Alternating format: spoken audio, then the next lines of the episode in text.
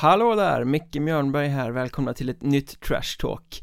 Eh, det blev lite omkastade planer den här veckan när Henrik Hockeystaden Skoglund vaknade upp med en eh, förkylning och en röst som, eh, well, kanske inte passade sig sådär jättebra för podcastinspelning. Men skam den som ger sig, det blir en podd i alla fall. Jag lyckades få tag på Visbybossen Andrea Lundholm på ett hotellrum nere i Karlskrona strax innan de skulle ge sig på K&K med sitt Visby då alltså. Och eh, vi gjorde en liten eh, transfer deadline behind the scenes och, och, blickade tillbaka på liksom varför var marknaden så tunn vid, vid, deadline när fönstret slog igen? Vad är det som händer egentligen i samband med deadline när klubbar ska värva spelare och spelare blir lediga? Och hur är gången, vad händer, vad säger man i de här telefonsamtalen som pågår bakom kulisserna? Och vad, vad kostar det? Och vad är det som gör att klubbar värvar eller inte värvar? Eh, vi djupdök i det här och eh, tycker väl att det blev ett ganska intressant samtal faktiskt som ni alldeles strax ska få höra att eh, Skoglund är sjukt den här veckan gör att vi inte har något eh, Patreon-material tyvärr. Vi hade bollat upp för en rätt kul grej men den faller när han inte kan vara med. Men Eh, för som plåster på såren så har vi planerat lite andra sköna grejer för er som stödjer oss via Patreon. Det kommer lite längre fram och ehm, ja, det kommer bli bara för er helt enkelt för ni är ju fantastiska. Är ni fler som vill stödja oss via Patreon så kan ni gå in på patreon.com och söka efter Mjörnbergs Trash Talk. Några dollar i månaden från er gör att vi kan göra den här podden så väldigt mycket bättre. Eh, och då får ni också bonusmaterial som sagt. Men nu kastar vi loss det här samtalet med André Lundholm. Trevlig lyssning. Hallå där André Lundholm, sportchef Visby Roma, sitter och eh, myser just nu har jag förstått på ett eh, hotell söderöver nere i Karlskrona. Ni ska möta KHK ikväll med Visby. Eh, det, har ju, det har ju skett när det här eh, läggs ut men i alla fall. Ja, det är helt korrekt. Sitter eh, på hotellet på Karlskrona och eh, väntar på att klockan ska slå 17.00 så att samlingstiden infinner sig i NKT Arena. Eh, som sportchef, är det segt sådana här dagar eller finns det att göra? Eller går man bara och räknar timmarna innan match, så att säga? Eh, det är segt på så sätt som du säger att det är en lång väntan, framförallt när man kommer till hallen. Nu innan matchen är det inte så segt, för jag har ju en del andra arbetsuppgifter också att göra, så det kan jag sitta och, och försöka beta av under tiden. Men när man väl kommer på arenan så tycker jag det är segt. Då är det bättre som tränare. Då, då hade man lite att, att pyssla med och trodde i varje fall man kunde påverka saker och ting. Men eh, som sportchef så går man mest och dricker kaffe och, och väntar på att det ska köra igång. Var finns det suraste hockeykaffet i Sverige? Ja, jag tycker det har blivit klart bättre. Många kör ju bryggare i omklädningsrummen och sådär så man kan blanda tillräckligt starkt kaffe själv och sådär. Så att, eh, det, överlag så får jag nog anse att det är godkänt, men det är klart att det är ju inte samma eh, kvalitet på kaffet som man har hemma. Nej, och nu ska ni då möta ett Karlskrona som eh, inte lyckades förstärka vid eh, deadline och som har fått sin stora lagkapten eh, skadad Ja Jobbigt läge Ja, jag, jag, jag, inte lyckades vet jag väl inte men jag såg någon, något uttalande från deras sportchef då, Erik där att de eh, ja, var väl, hade stort förtroende för truppen de har och sökte väl inte sådär superaktivt heller. Eh, så att, eh, och det är väl olika avvägningar som en del klubbar gör och vi har väl landat i ungefär samma slutsats som, som de har gjort. Att, eh, ja, man, tar man in en spelare eller två eller tre så förändrar man också dynamiken och hierarkin i, i laget och det kan skapa problem också om man inte hittar rätt typ av spelare som man verkligen behöver. Så att, eh, det är nog klokt att inte ta någonting om man, om man känner sig nöjd med, med det man har.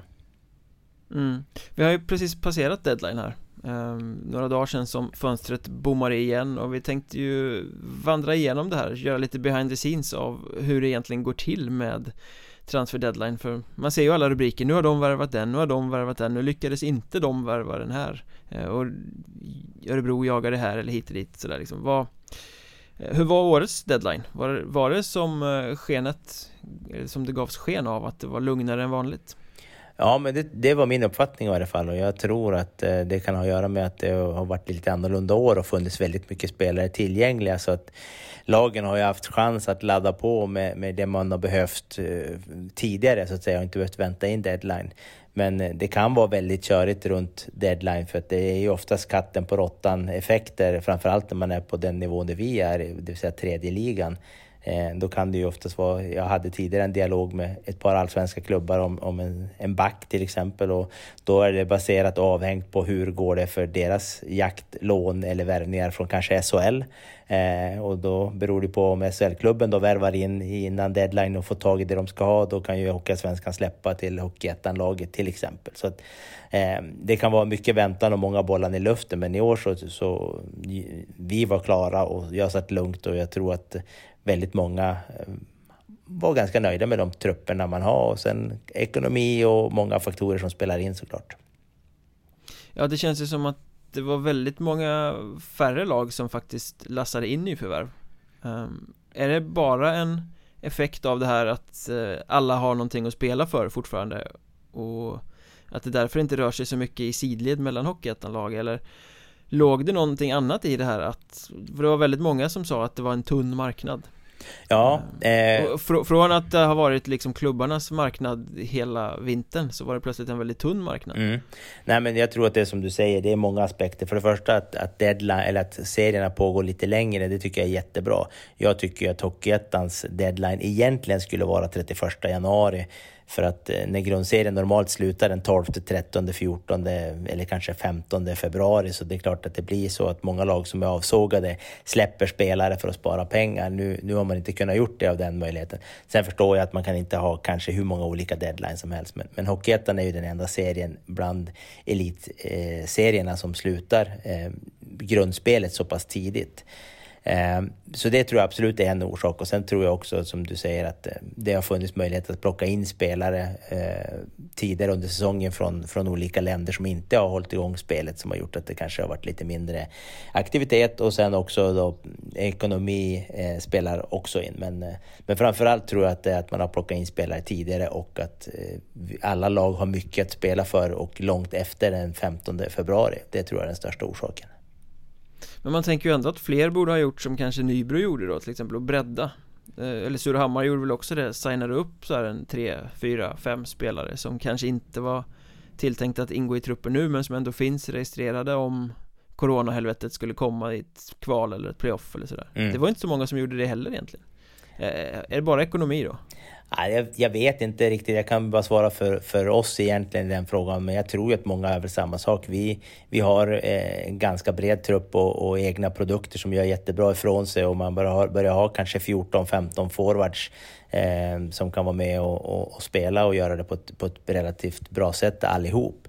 Då, då behöver man inte det. Men, men eh, som du säger, Nybro och några lag till har ju valt att plocka in några spelare till och det kan ju bero på skador och det kan ju bero på att man Eh, kanske inte tycker att man har den bredd som man behöver sedan tidigare. Eh, men eh, ja, det, det är en avvägning som sagt att, att plocka in spelare bara för att eh, det är min erfarenhet att det inte bara är till godo utan de spelarna kommer in, de ska hitta en plats i omklädningsrummet, de ska fungera i gruppen, eh, de ska, man ska ge dem en, en, en roll i laget också. Eh, och eh, ger du en spelare en roll i ett lag så ska du oftast plocka bort någon annan om du, du har väldigt mycket skador eller en tunn trupp då förstås.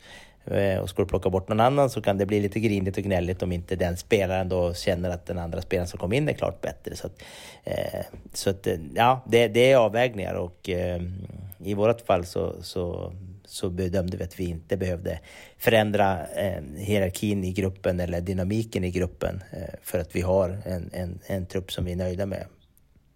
Men ändå gör ju folk alltid det. Nästan varenda säsong så sitter klubbar där vid deadline och värvar fast att man tycker att de har en bra trupp från början. Eh, blir det lite mer fingrarna i syltburken effekten man värvar för att man kan då När man har det här läget som det brukar vara att hälften av lagen har spelat klart och kan skeppa sina trupper att Då kan de här som ska satsa liksom inte hålla sig borta Eller har, har du något intryck av det?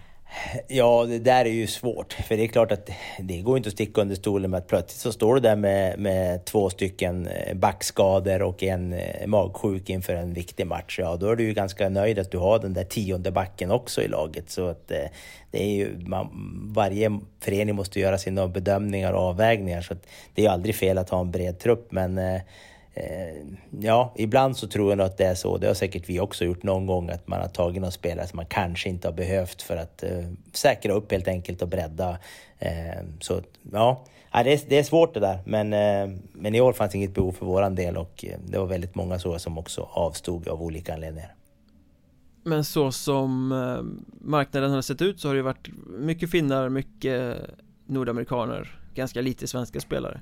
I alla fall efter nyår. Men ändå så var det liksom som att plötsligt så var det stopp för nordamerikanska spelare, kom inga fler alls och plötsligt så var det stopp för de finska Det var som att det liksom var olika fönster där på något sätt Ja eh, Har du någon förklaring till det? Ja, jag... Mestis drog igång i och för sig va? Ja, Mestis drog väl igång med ett visst antal lag eh, Det finns väl många förklaringar till det För, för våran del så har jag resonerat som så att den nordamerikanska spelare var inte aktuellt att plocka in efter årsskiftet Eh, för att har du inte spelat hockey sedan i mars månad så tycker jag att risken i varje fall att startsträckan kan bli väldigt lång.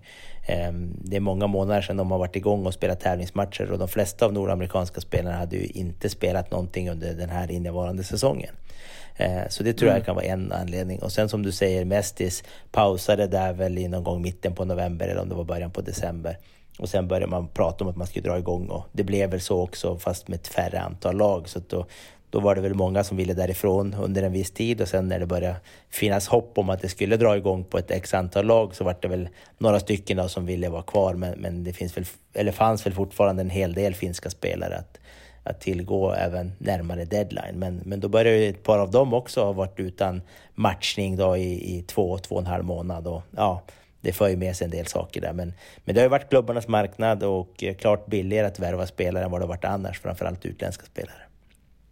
Men på det resonemanget låter det ju som att eh, det finns lite rim och reson i klubbarna i alla fall. Att man inte bara värvar för att det finns utan att man faktiskt har tänkt på det här att ja, men de har inte spelat. För intrycket är ju att det blir lite fartblint ibland Att många bara kör och värvar för att de kan. Det är billigt, det är billigt liksom. Ja, ja. Jo, eh, så är det. Nej, nu tror jag det. Jag tror att de flesta föreningar i, i Hockeyettan är väl införstådda med vilka resurser man har, eh, vad som står på spel och eh, även om elitlicensreglerna är lite fluktuerande just nu utifrån att det är covid som, som råder så vet jag inte exakt vad som kommer att hända framåt men, men ekonomi i balans är ju viktigt för, för klubbarna och det tycker jag har varit bra att alla klubbar försöker eh, komma till rätta med ekonomin och gör, ja, hejdar sig så att säga och det tror jag absolut avspeglas även i, i de här sammanhangen. Men spel, eller vad säger klubbarnas marknad var det ju hela vintern Men hur blir det då inför en deadline så här när Utbudet kanske inte är så himla stort på spelare som har spelat eller som finns tillgängliga och ändå ett bra gäng vill förstärka Nej, då, Blir det lite så här ekonomiskt trissat ja, ändå? Ja, så är det. Då blir det spelarens marknad i, igen. Och i år vet jag inte om det har varit så, men i vanliga fall så är det så. För det är klart att många föreningar försöker spara pengar, vänta in eller, eller känner att vi behöver den där spetsforwarden eller spetsbacken eller eh, målvakten eller vad det nu kan vara för någonting. Och, och det är klart att du är ju inte ensam bland 47 klubbar som söker en spetsback eller en spetsforward eller en målvakt eller vad det nu är för någonting. Så att det, det är klart att då blir det lätt lite bud, budstrid om, om den spelaren. Eh, så att runt deadline kan, kan ju priserna dra iväg på, på ett par spelare. Sen är det ju också då väldigt kort tid kvar oftast av säsongen. Så att eh, då är det väl många, inklusive oss, som kan tycka att ja, men om du betalar eh, 7 kronor för en spelare eller om du betalar 10 kronor för en spelare spelar kanske inte så stor roll när det handlar om en, en och en halv, två månader kanske. Mm. Nej men det blir lite ett lån sådär liksom man kan Ja eh, Man kan klara av det på kort tid men skulle inte kunna ha den typen av lön en hel säsong Precis Vad gjorde du själv i deadline? Var du uppe hela vägen in i kaklet och satt och lyssnade av eh, marknaden eller var du Tog du det lugnt, tog en whisky och gick och satte dig i bubbelbadet? Nej, eh, jag var med familjen i Stockholm eller precis hemkommen rättare sagt. Vi hade ju match mot Huddinge i fredags borta där och vi stannade kvar och tog några dagar så jag kom hem på, på måndagen där med på, på sen eftermiddag. Så det var, det var lugnt. Det var träning på kvällen och jag satt och följde lite grann på datorn. Men jag satt absolut inte fastnitad och följde varenda rörelse som skedde på Twitter och, och andra plattformar. Utan jag, jag checkade in någon gång då och då under kvällen för att se vad som hände det ramlade inte ner någon bomb framför näsan på dig som du var lite småsugen på att plocka upp sådär? Eh, nej, eh, det gjorde det inte. De flesta agenter och, och spelare också såklart har, har ju koll på vilka föreningar som söker så att vi fick väldigt lite till oss och eh, ja, agenter och, och klubbar uppe i allsvenskan och, och ibland även SHL har man ju dialog med eh, då och då. Så att, eh, ja, nej, det, det, det kom ingenting sånt där extraordinärt till oss eh, där precis runt deadline, det gjorde det inte. Du bommar liksom inget på mållinjen? Nej, nej och vi var inte ute och, och trålade. Jag vet inte vad det skulle vara. Det skulle vara någonting... Eh, jag, jag, tänkte väl så här att dyker upp någonting som kan vara intressant över längre tid, då skulle jag kunna överväga det. Det vill säga att inte bara säsongen ut, utan någonting som skulle kunna vara säsongen ut och även nästkommande säsong. Kanske någon spelare som har Eh, någon anknytning till, till Gotland och Visby-Roma eller något liknande. Då, då skulle det vara intressant kanske, men, men inte bara för säsongen ut. Det, det bedömde vi att vi inte Eh, var intresserade av. Nej. Men hur går det till egentligen? Kan du beskriva deadline day här liksom? Vad, som sportchef, vad gör man? Hur, eh, hur mycket har man riggat i förväg och hur mycket är liksom stundens infall och man bara ringer runt eller vad? Hur fungerar det? Ja, eh, om, om vi, när vi söker någonting då brukar jag ju först prata med klubbar som kan vara aktuellt att släppa spelare. Eh, alltså till exempel allsvenska klubbar. Att man vet att ett par klubbar, att fasen, de, har, de har börjat ha en bred backsida och ska ni förstärka ytterligare kan det bli någon spelare ledig och i sådana fall vem? Och ett par klubbar har man ju en, en bra relation eller en förtrolig relation och då kan man ju få veta spelare som inte, eh, ja, där spelaren inte vet om att den, den är i farozonen att bli släppt då, kan man väl säga.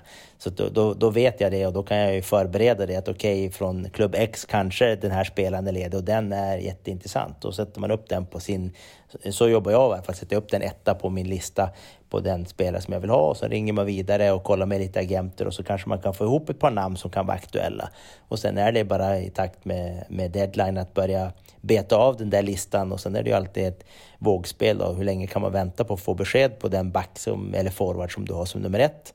Eh, för att de andra två går inte att vänta, eller tre eller fyra går inte att vänta tills du har bestämt dig alltid, utan ibland måste man ju gå på nummer två för att säkra för att du inte vet om du får nummer ett och sådär. Och då kan det vara eh, många samtal igång samtidigt och, och korta puckar. Eh, innan det är dags att... Så något, något år har det väl varit 23, 23, 45, 23, 50 någonstans där man har fått tillbaka det signerade kontraktet och på den tiden då faxat in eller ibland då skannat och skickat i modern tid in till, till förbundet då, då är det Ja, hur ser den gången ut? För det är ju inte bara så att du ringer till en klubb och säger eh, Får vi ta över den här spelaren? De säger ja visst och du ringer till spelaren och säger Tjena, vill du spela hos oss? Ja det vill jag Vi kommer överens om den här lönen utan det är ju mer än att man bara är överens Det är ju papper och grejer som ska Ja, nu är det ju di digitalt eh, som, som det där ska ske eh, så att, Jo, ja. jo så, såklart men det är ju ändå liksom en transfer som ska genomföras med en tredje part Eh, så är det. Så är det. Och är det då en utländsk spelare då, då ska du ju... Men det är ju då när förbundet får de där papperna till sig eh, på mail ett, eh, eller vad det nu är för någonting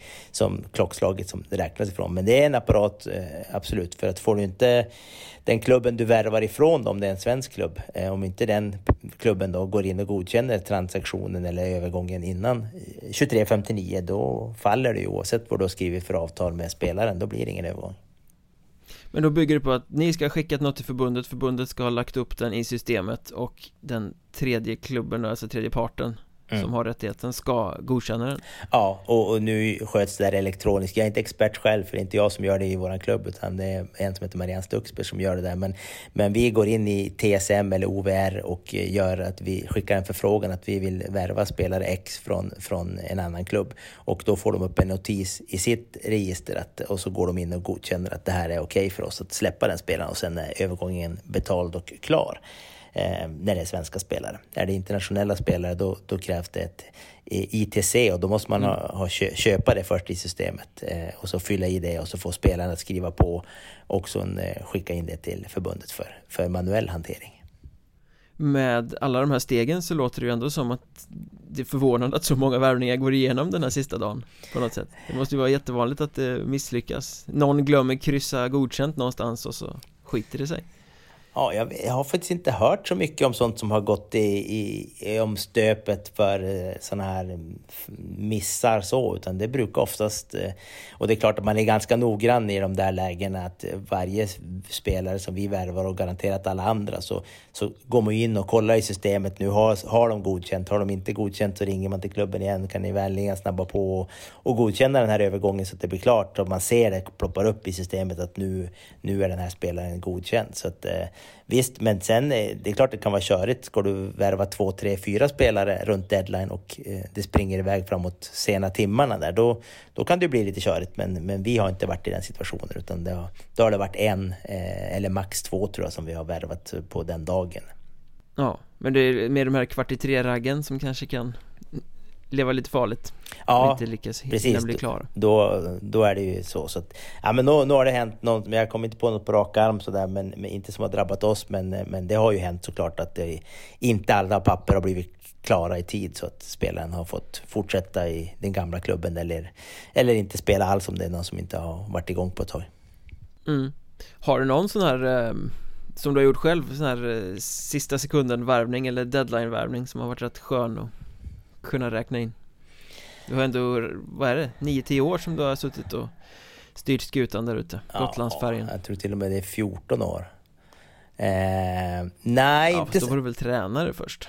Ja, fast då var jag tränare och sportchef eh, men, eh, men eh, nej, inte vad jag kommer på på rak arm. Det har ju säkert hänt, men man, man är rätt bra på att förtränga saker, nytt och nya förutsättningar. Så jag kan inte komma på någon på rak arm, men, men eh, nu har vi säkert plockat in, jag tror vi tog en, en utlänning som heter Jason Delerm, en speedig, rivig kanadensare som jag tror har varit i Malmö också en gång i tiden i Red också alltså. Ja, jag, jag, de lånade ut honom till Skövde också där under ja. en allsvensk säsong när det var lockout 2003, 2004 tror jag.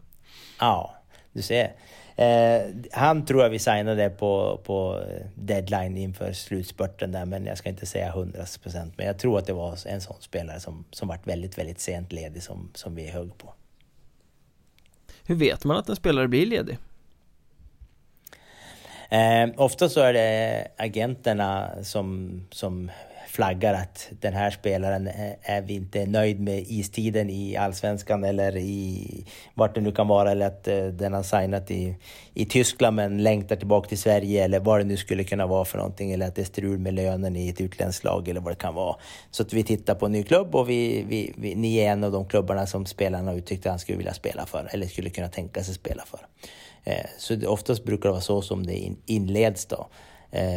Eller under säsong så att säga. Sen inför säsong då är det någonting annat. Då är det ju såklart klubbarna som har en lista som man tar kontakt med spelaren och får reda på vem man har som agent eh, och sen jobba den vägen. Då. Men under säsong så är det oftast agenterna som uppmärksammar att den här spelaren kommer nog bli ledig eller kommer att vilja flytta på sig. Kan ni ha ett intresse av?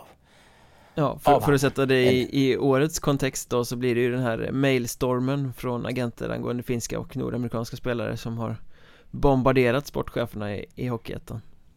Ja, så är det och det var ju en del svenska spelare också här innan deadline som, som cirkulerade runt där och det, fick ju vi också frågan såklart om ett par stycken av, av de spelarna. Har ni intresse av, av den eller de här spelarna? Utan att nämna några namn, var det några av dem som blev signade eller bytte klubbar sen i slutändan eller sket det sig? Eh, ja, jag vill inte säga något namn, men, men, men eh, ett par av de spelarna vet jag blev signade i, i andra klubbar. Som det brukar vara. Svenska. Ja. Ni gjorde er, ja, ni, ni signade en tredje keeper där från Frölunda. Eh, eh, ja, eller namngivet eh, eller vad det heter, man bara... Ja, ja, eller han är en övergång, Viktor Svensson där. Och sen så blev det faktiskt en till som jag inte tror vi har kommunicerat eller har kommit ut som heter Mike Sjöberg som kommer från Södertälje som vi också eh, signade och båda de två alternativen är jättebra för, för våran del. De är igång och tränar bra på sina respektive orter och finns bara tillgängliga vid behov så att säga. Så de kommer inte att flytta eller finnas på Gotland på något sätt utan eh, Anton var lite skadad, eh, lättare skadad förra veckan och då, då tog vi över Viktor som var med oss då i matcherna mot eh, eh Huddinge och eh, Skövde. Just Och sen gjorde ni er egentligen stora förstärkning där ni tog in Nico Mikkola för någon, en och en halv vecka sedan Eller något sånt där? Ja, så stor är han inte, han är väl ganska liten. Men eh, bra succé på honom. Jo, men han har varit duktig, Nico. Han, han är en eh, offensivt skillad spelare som, eh, som gärna följer med upp i anfallen och, och bidrar i det offensiva spelet. Och, ja, men han, han har gjort det bra så här långt. Men, nu har vi inte spelat så många matcher, men, men, eh, nej, han har gjort det bra så här långt. Man ser ju i, i spelet att han har en dimension som många andra backar kanske inte har på just den här nivån. Ja, eh, det tycker jag också. Han har en offensiv uppsida som är, som är bra. Han är duktig med pucken och bra skott. Och, ja, men, duktig på blå linjen och kan hantera, kan hantera de offensiva situationerna där väldigt bra. Nej, vi, är, vi är jättenöjda med honom så här långt. Och ni hade lite samma läge förra året och ni mitt i säsongen plockade in den här Nicholas Koberstein som ju då var kanadensare. Eh, om, man, mm. om man liksom översätter det här med att värva importer till eh, inför deadline eh, hur, Vad ska man titta på? Hur vet man att det är en, en bra kille som kommer? För menar, statistik från de olika ligorna det kan ju vara liksom, Det kan man ju ljuga med hur mycket som helst och du hinner ju inte sitta och mm. titta på massa video när du får den här spelaren klockan Fyra på eftermiddagen deadline day liksom Nej, då är det ju svårt. Eh, men jag vet inte, det var, det var många, många, många år sedan vi tog någon transatlant runt deadline. Utan de, de importspelare vi har tagit har vi oftast tagit Eh, innan säsongen eller i, ja, relativt tidigt under säsongen. Men det är ju, nej, det är ju, jag sitter och kollar på video, eh, ja, säger man video ännu? Det var länge sedan VHS försvann, men på, film på spelaren i varje fall, eh, så mycket man, man kan och försöker göra den, det jobbet och även kolla med eventuella, kan de ha spelat med någon spelare man känner till? Eh, är det någon nordamerikan så brukar jag försöka hitta någon svensk som har spelat med den spelaren som man kanske känner. Då slår jag oftast en signal till den spelaren och lyssnar hur han är i omklädningsrummet, vad är det för typ av spelare, attitydsmässigt och så vidare. Och så vidare. Så man, man försöker i varje fall göra så gott man kan. Sen, sen är det alltid en, en lite större chans med en import än vad det är med en svensk spelare. Det går inte att, det går inte att komma ifrån. Eh, men man kan i varje fall göra sitt jobb så, så noggrant man överhuvudtaget kan. Och, och sen får man hoppas på det bästa för de sista procenten. Ja, det gäller ju att kunna lite om ligorna också känner jag, för även om man kollar på på video så kan det ju vara sopor som man möter. Mm. När det ser jättebra mm. ut Då bör man ju veta det liksom att ah, okej det här laget de spelar mot är rätt kass i den här ligan. Ja, så är det. Och det är jättesvårt. Och, och, vi har ju tagit lite spelare borta från Nordamerika genom åren här nu på slutet. Från NCAA som är universitetsligan där med, med Harvard och Boston University och Minnesota och allt vad de heter bra liga, men det finns flera divisioner. Lagen har olika spelsätt. Divisionerna är lite olika bra. Eh, och det innebär ju att om du då kan vara en spelare som bara har gjort kanske 4-5 poäng på en säsong som man tycker fast det är ju ingenting. Men då spelar kanske den spelaren i ett lag som knappt får gå över röda linjen utan bara ska trappa i mittzonen och, och spela defensivt så det, och, och, jag kan inte allting i, i de här, men, men man, man lär sig ju under med resans gång och så får man vara ödmjuk och fråga och prata med de kontakter man har för att bilda sig en så bra uppfattning som möjligt om, om ligan, eh, laget och i slutändan spelaren. Och det är klart att det är ett svårare pussel att lägga än att scouta en spelare som spelar i i norra allettan till exempel. Ja, men det är väl lite samma om man från utsidan kollar på Hockeyettan Att det är olika hockey och olika klass på lite olika ställen Ja, Absolut. Så du kan liksom inte så översätta poängen rakt av och säga att det här kommer bli en, en succé. Nej, nej, så, så är det. Men var det någonting du höjde på ögonbrynen över nu vid, vid deadline? Som hände någon annanstans än hos er? För där var det ju uppenbarligen lugnt och skönt och stillsamt. Ja, det var harmoni. Nej, ja, det var väl... Jag såg ju Modo plocka ju pajen av Borlänge. Mm. Eh, det var väl inte överraskande på det sättet, men, men eller lite. Eh, det är ju en jätteduktig hockeyspelare som, som, eh, som ja, han är väl en av få, tycker jag, som, som verkligen sticker ut i Hockeyettan. Han har ju spelat har, på fel nivå. Ja, lite så är det ju det man, när man möter lag så, så ser man ju att motståndarlagen har duktiga spelare. Eh, precis som att vi också har några duktiga spelare. Men, men det är inte så ofta man ser spelare som liksom verkligen... Det finns någon typ av aura runt spelaren som när man ser att det finns väldigt mycket skills där liksom. Eh, så så eh, nej, jag tror, jag tror han kan göra jättebra ifrån sig i, i Modo om han får spela in i rätt miljö. Ja, han har ju haft Magnus Sundqvist tidigare som tog över som tränare där. De, mm. de var väl gemensamt i Tingsryd i Allsvenskan. Ja, och han har ju varit i Allsvenskan i flera säsonger av och till så det, eh, det, är ingen nyhet för han. Men, men det är kul lite på ålderns höst att man, man får den chansen. Så att, ja, men det var väl, sen var det väl några till det. Blir, det blir ju lite överraskande att Borlänge släpper honom kanske tvärtom. Att han, att han är eftertraktad är ju inte så konstigt kanske men signal, Signalen att släppa en av ligans bästa spelare när man själv har ambitionen att gå långt blir ju Mm. Framförallt när man försöker släta över det med att ah, men vi är ju ett lag och sådär Då kan man ju skita i att ha honom mm. signad från början Ja, ja, sett utifrån så kan man säga så, men sen vet jag ju hur det fungerar i föreningar. Det kan finnas många orsaker. Man kan ha fått ett bra bud. Det kan vara att man ser att andra spelare kan, kan kanske inte axla, men att man kanske kan ändå få fler spelare att växa. För att eh, en spelare som han har ju fruktansvärt mycket istid. Eh, jag vet när vi mötte dem i playoffet så spelade han ju både powerplay, boxplay och fem mot fem. Och inne på alla offensiva tek och så vidare. Så, vidare. så han låg ju enormt med minuter. Och då var han inte särskilt eh, bra heller? Just, just i den matchen var han faktiskt ganska dålig Kanske var ni som gjorde det men eh, han ledde inte laget där Nej, ja, han, dålig ska jag inte säga att han var, men det, det, det är klart att spelar man så där mycket så är det väl svårt också att komma ut med fräscha ben varje, varje byte. Det, det, det, blir det, ju, det blir ju svårt. Det kändes som att vi hade lite bredare lag än dem och det gav väl utslag till slut tycker jag. Men, eh, så det, kan, men eh, det jag vill ha sagt det var att det kan finnas många anledningar varför man väljer att ta ett, ett sådant beslut. Eller man kanske vet att det ändå är sista året eller så. Så, att, eh, så att jag är inte lika hård i domen. Det, det kan finnas goda skäl för Borlänge att, att, att göra så. Men, men utifrån kan jag hålla med om att då kan det ju kännas som att ja, men, ger man upp eller vill man inte mer eller sådär. Men de har, de har nog goda skäl varför de har gjort som de har gjort. Mm. Var det något annat som stack ut tyckte du? Var du på väg att säga innan jag avbröt dig? Eh, ja, KK fick väl tillbaka Jönsson i målet va? Eh, om jag förstod det hela ja, rätt. Ja, han är reggad för dem ja. Exakt. Eh, så, sen var det väl Sen var det väl var det Vigeli från Vimmerby, men det var väl först nästa år? Ja, Eller det han, kanske bara var ett rykte också förresten? Ja, det är ju inte, fast det brukar ju inte vara någon rök utan eld i och för sig. Och han är väl värd eh, den chansen, verkligen, när den ja. kommer. Men eh, det var Wiggly till Västervik, men det var ju för nästa säsong. Just det. Så det får vi väl inte någon eh. bekräftelse på förrän i vår någon gång? Nej.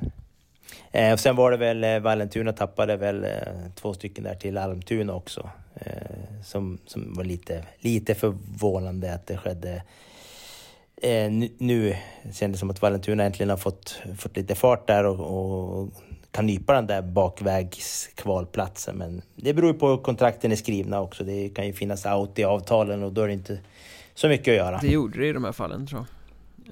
Ja. Och Almtuna har ju varit rätt aggressiva på hockeyettan-marknaden här och tagit in Pelle Hedlund Johan Eriksson, mm. Viktor Andersson, Sebastian Höglund mm. Eh, det var ju tre ja. forwards från ettan bara sådär Ja Så jag har inte riktigt koll men de släppte väl någon eller några också va? Felix Karenfeldt till uh, Hudiksvall till exempel Ja Ja så att, eh, ja men det är väl kul. Det är väl kul. Sen är man alltid lite, lite kluven som sagt mitt under säsongen. Men eh, vi, vi har inga out i våra kontrakt under säsongen. Men jag förstår ju också att ibland så måste man det, annars får man inte den spelaren. Men vi har valt då i de lägena att avstå för att eh, av lite av den här orsaken som du var inne på att, att eh, vill man mycket i föreningen så känns det lite dumt tycker jag personligen eh, mot sponsorer och, och supportrar och, eh, och sådär. Och, och resterande laget om det plötsligt försvinner två, tre, fyra spelare eh, under. Sådär. Men som sagt, jag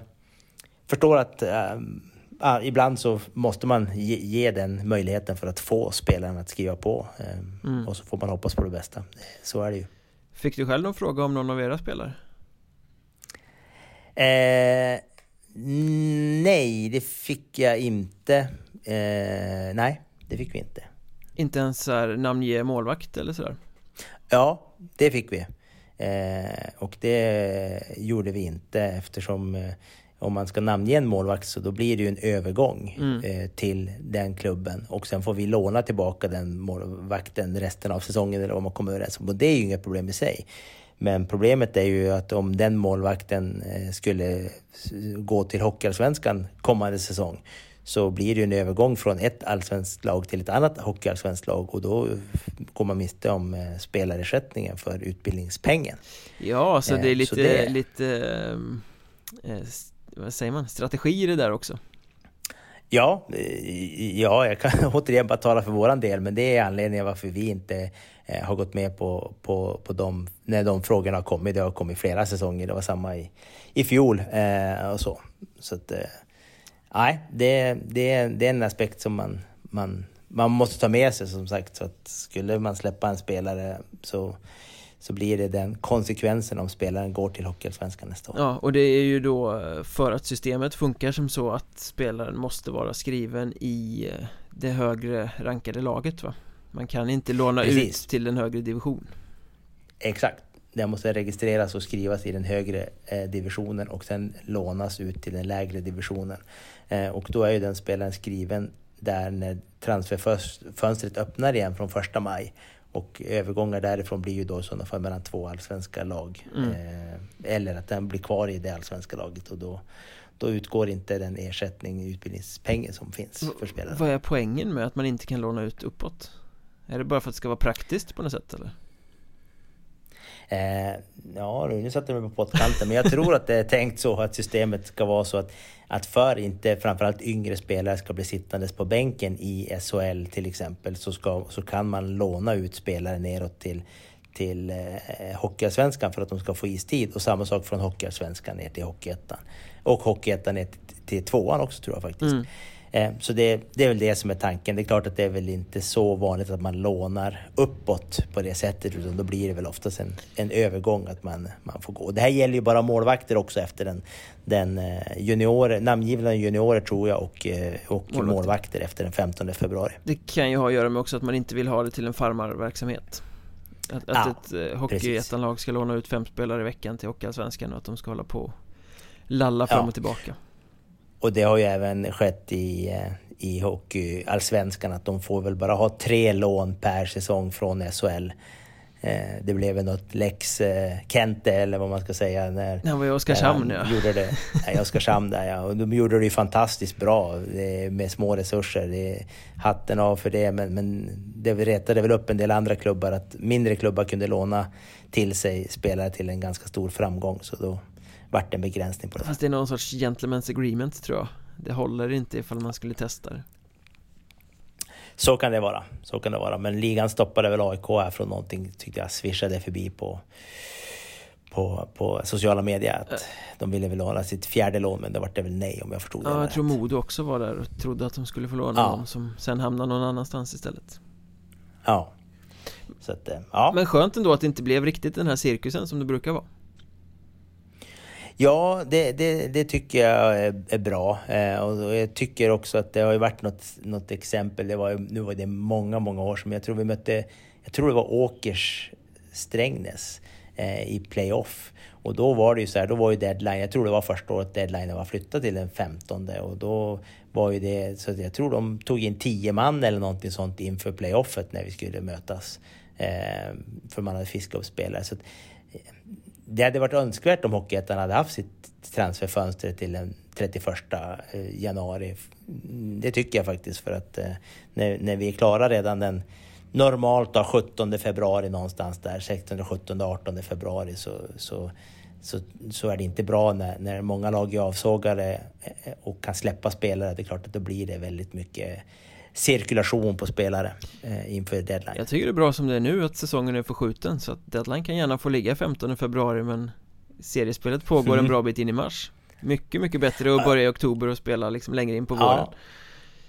Det är ju alternativet och det tycker inte jag heller är något dåligt alternativ. Men man måste välja väg för att det är ju så att löner och istider och material kostar stora pengar för klubbarna så man kan inte bara förlänga säsongerna hur som helst eh, så men Nej du får ju flytta den då i så fall Du ja, behöver inte dra igång absolut. med försäsong i slutet på juli, början på augusti utan du kan skjuta det och gå på is månadsskiftet augusti-september istället Och så ha ja, det... säsongstart första helgen i oktober Ja, säsongstarten i år tyckte jag var, var, var, var låg jättebra till. Eh, så att jag har inga synpunkter utan snarare väldigt positiv till att det skulle bli en framtid där vi startar serierna två, tre veckor senare och inte behöver stressa igång där i början på augusti på is utan man kan vänta lite längre. Det, det tycker jag också, spela längre på vårkanten. Och framförallt nu när det inte är något kval med allsvenska lag inblandade så har man ju inga större aspekter så att ta hänsyn till utan det skulle vara möjligt att kunna fortsätta spela efter årets eh,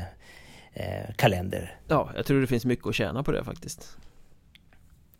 Ja, det känns lite bättre att spela hockey i mars-april eh, kanske än att, än att det är många lag som är klara i mitten på februari. Men eh, kvalmekanismen är också intressant för den är ju utan, utan den kvalmodell som hockeyn har så skulle vi tappa väldigt mycket. Jag tycker ju att eh, allettan är ju helt fantastisk eh, företeelse där man liksom mitt i säsongslunken bryter upp och, och får ett sånt, sånt race och vårserierna blir också framförallt i år supertuffa race och jätteintressanta. Så att, jag är stark förespråkare av den kvalmodell som finns. Jag skulle inte vilja ha någon rak serie och sen en kvartsfinal, semifinal och final. Utan, Nej, torftigt eh, alltså. Ja, det blir ju det. Publiken strömmar till och intresset för massmedia och allting, det, det stiger ju åtskilligt vid julbreaket eh, för de allra, allra flesta klubbar i alla fall. Och sen för att inte tala om det här härliga att man får välja sitt eh, motstånd i, inför slutspelsrundorna. Mm. Mm. Det sätter ju extra mm. piff på allting Tycker jag Även ja, om det kanske är plågsamt det... för er som ska välja men ni... Nej, vi behöver aldrig välja. Vi ligger alltid där nere och sladdar så vi har blivit vald varje år. så vi får ta det vi får. Eh, så, men, nej, men så är det ju. Det är klart att det är, ju, det är, ju, det är ett jättekul moment att skapa lite tändvätska och sådär. Sen, sen förstår ju alla innerst inne att något jäkla lag måste du välja även om du väljer först. Så att, eh, det är ju inte så att man kan sitta och ta det personligt och tycka att de tycker att vi är kass utan något lag ska ju väljas. Så att, men det, det, det sätter lite extra krydda på det, det tycker jag. Ja, men väljs man först är man ju kass. Ja, det Enligt tabellen bör i alla fall. vara så. Exakt, det bör ju vara så. Men framöver här då, allettorna, det är slutspurt och det kommer slutspel och sånt. Har du någon feeling för de andra lagen? Hur, hur de ser ut? Eh, nej, eh, jag ska säga att jag, jag, tycker att det är eh, otroligt svårtippat. Eh, vi har ju pendlat upp och ner i prestation, eh, ska jag ju villigt erkänna. Men jag tycker också att vi kan slå alla de här lagen, eh, att vi är närmare topplagen än vad vi var i fjol. Men vi har ju också, precis som i fjol, full huggning med, med de lag som har tagit lite färre poäng. Så att eh, det känns väldigt jämnt, väldigt tufft och väldigt ovisst och jag kan inte säga att jag ser några klara favoriter, att de här, de kan jag garantera kommer att gå till en kvalserie. Jag vet att Nybro är ett bra lag, att de har bra spetsspelare och vi har ju mött dem i en match hemma på Gotland där vi förlorade på straffar och absolut ett jättebra hockeylag. Men eh, jag tror att det finns många lag som kan ställa till det för dem på resans gång, precis som för alla andra lag. Ja, det känns som att det är lite, i alla fall i söder, lite tajtare i år på något sätt. Ja, det, jag tycker också det. Mörrum har ju börjat röra på sig bra där nere. Jag tycker de var duktiga när vi, vi vann mot Muddamålet här. Sen har de, plockar de poäng var och varannan match och Skövde är ju inte... Det är inget lag som du bara åker och hämtar poäng mot utan det är ett gediget hockeylag som oftast jobbar väldigt hårt. Nu fick vi en bra match på Gotland men då hade de också borta några spelare. Sen vann de väl mot Troja matchen efter där. Eh, och sådär så att nej, det är, det är en bra serie. Norra har ju lite mindre koll på av naturliga skäl, men det vet man ju att Boden och Östersund och eh, topplagen där också eh, väldigt bra. Hudiksvall har vi mött också, är också ett bra lag. Ja, men topplagen där uppe Nej. slaktar lite mer än vad de gör i, i södra serien. Man säga. Ja, eh, så, så är det. Men vi får hoppas att alla sitter nöjda efter deadline och eh, kul att få snacka lite deadline med dig. Ja, ska, kul att surra lite med det också. Du ska få gå ut i Karlskrona eftermiddagen och eh, njuta av det vindpinade landskapet höll jag på att säga. Det blåser och regnar väl alltid där, men eh, Lycka ja, Det är lite snö idag men, men helt okej okay, så att, ja, Men jag ska ut och gå en promenad och vakna till liv här inför matchen så. Det blir bra Lycka till med resten av säsongen Tack så jättemycket So